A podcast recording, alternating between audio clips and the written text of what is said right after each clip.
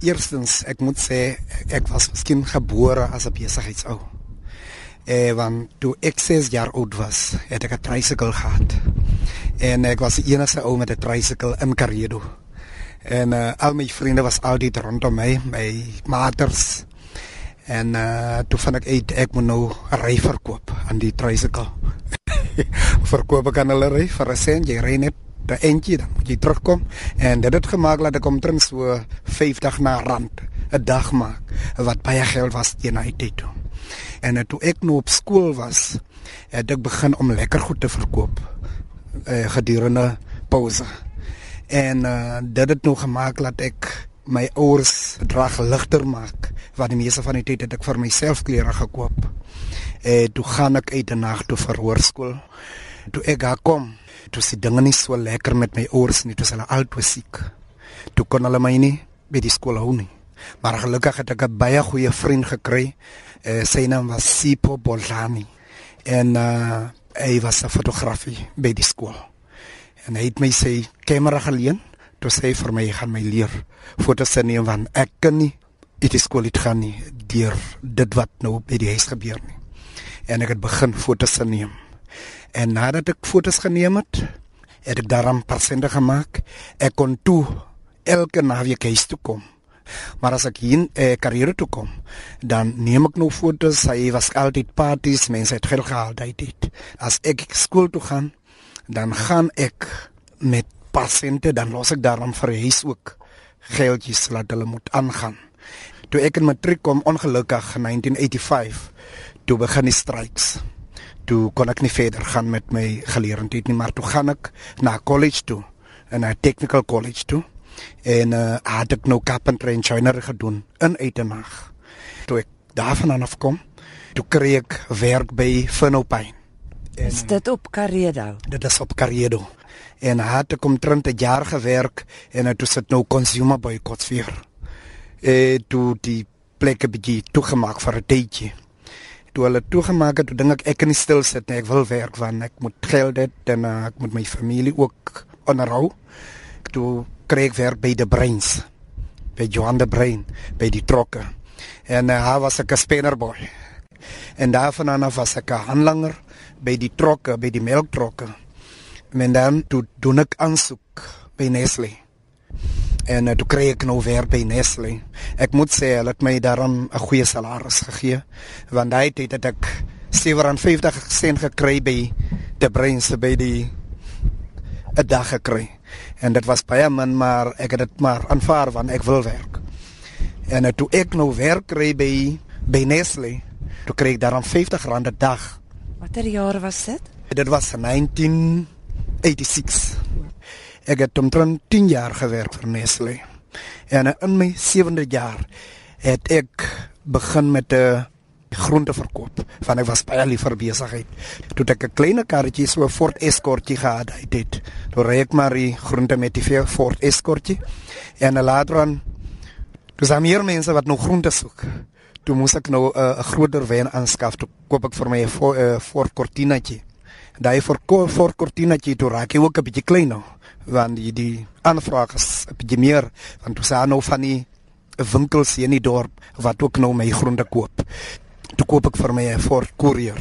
Skus net op daai punt, ehm um, het jy die groente self gekweek of het jy dit in die baai gaan koop? Waar het jy die groente gekry? Nee, die groente het ek by plase gekoop. In Patensie, Hankie en Lori, Kamptus, by die Kamptus Valley. Het ek die groente gekoop by die plase en dan dan verkoop ek dit nou aan die winkels. Toe koop ek nou 'n groter bakkie en uh toe raak hy ook kleiner. Toe moes ek 'n trailer koop, 'n groot trailer. Hy staan na agter die huis. Ek het hom nou kort het ek hom mooi gemaak. En uh nadat ek dit gedoen het, het ek besef nou maak ek geld want ek werk aan die een kant en aan die een kant het ek mense wat vir my werk. En uh, dit het nou gemaak laat ek sien ek moet daarom 'n groter huis kry. Ja, want ek het daarom nou geld om vir myself 'n uh, huis te koop want ek was ek het 'n vier vertrap huis gekoop gebly. En uh het ek toe gedink, ag, laat ek nou in die taxi-bedryf gaan. Toe begin die besigheid ook te rol. En uh binne 5 maande het ek vir my 'n tweede taxi gekoop. Toe ek nou, toe gebruik ek nou die twee taxi's en ek verkoop my groente. En ek doen dink ek, ag, laat ek nog iets beter doen. Toe maak ek 'n klein winkeltjie oop. Hier by my is toe ek dit met planke. Toe vind ek uit die winkelbesigheid as besig om nou af te kom want die mense koop nie kontant nie, hulle koop op skuld en hulle wil nie betaal nie. En uh, toe gaan ek maar net met die taxi besigheid aan. En uh, toe doen ek nou aansoek om 'n tavern te Dit was 2006 ja, wat dit goed gekeer is en ek moet sê dit was een van die beste besighede. Toe koop ek vir my weer 3 quantums want die besigheid gaan aan. En dan het ek twee groot buste Al hierdie goederes wat jy so aangekoop het, was dit alles op kontant of het jy lenings aangegaan? Nee, ek het lenings aangegaan met die bank. En uh, dan betaal ek klaar, as ek klaar betaal dan koop ek maar net weer 'n ander ding. eh maar sover het ek nou al my regoede klaar betaal. En uh, toe dinge laat ek nou 'n gastehuis bou, want is 'n uh, nodigheid vir 'n gastehuis in Karedo, vernaam hier in die in die township. Hoekom in die township? Ons mense ons glo altyd maar om goeie besigheid te doen jy moet dit in die dorp doen. En uh, toe sê ek ek gaan 'n inisiatief vat laat ek hierdie besigheid in die township doen waar ek groot geword het. Ehm um, hoeveel mense kan hier in bly as dit klaar is? So ses mense kan ek slaapplek gee. Maar hy gebou wat daar is dis is 'n soort van 'n konferensiekamertjie hy gaan net 20 mense aanvaar Ons hoor nou baie van die jeug wat nie werk het nie en werkloosheid is 'n groot probleem in die land.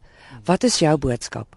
Eerstens, ek moet sê toe ek die besigheid begin, het ek reeds aan die jeug en aan die mense wat nog nie werk het nie om werk te skep vir hulle. En dis hoekom ek meer voertuie aangeskaf het. En dis hoekom ek nou die aanbou van ek het nou ag werkers wat vir my werk hier as bouers en uh, dan het ek ses werkers wat vir my werk as drywers.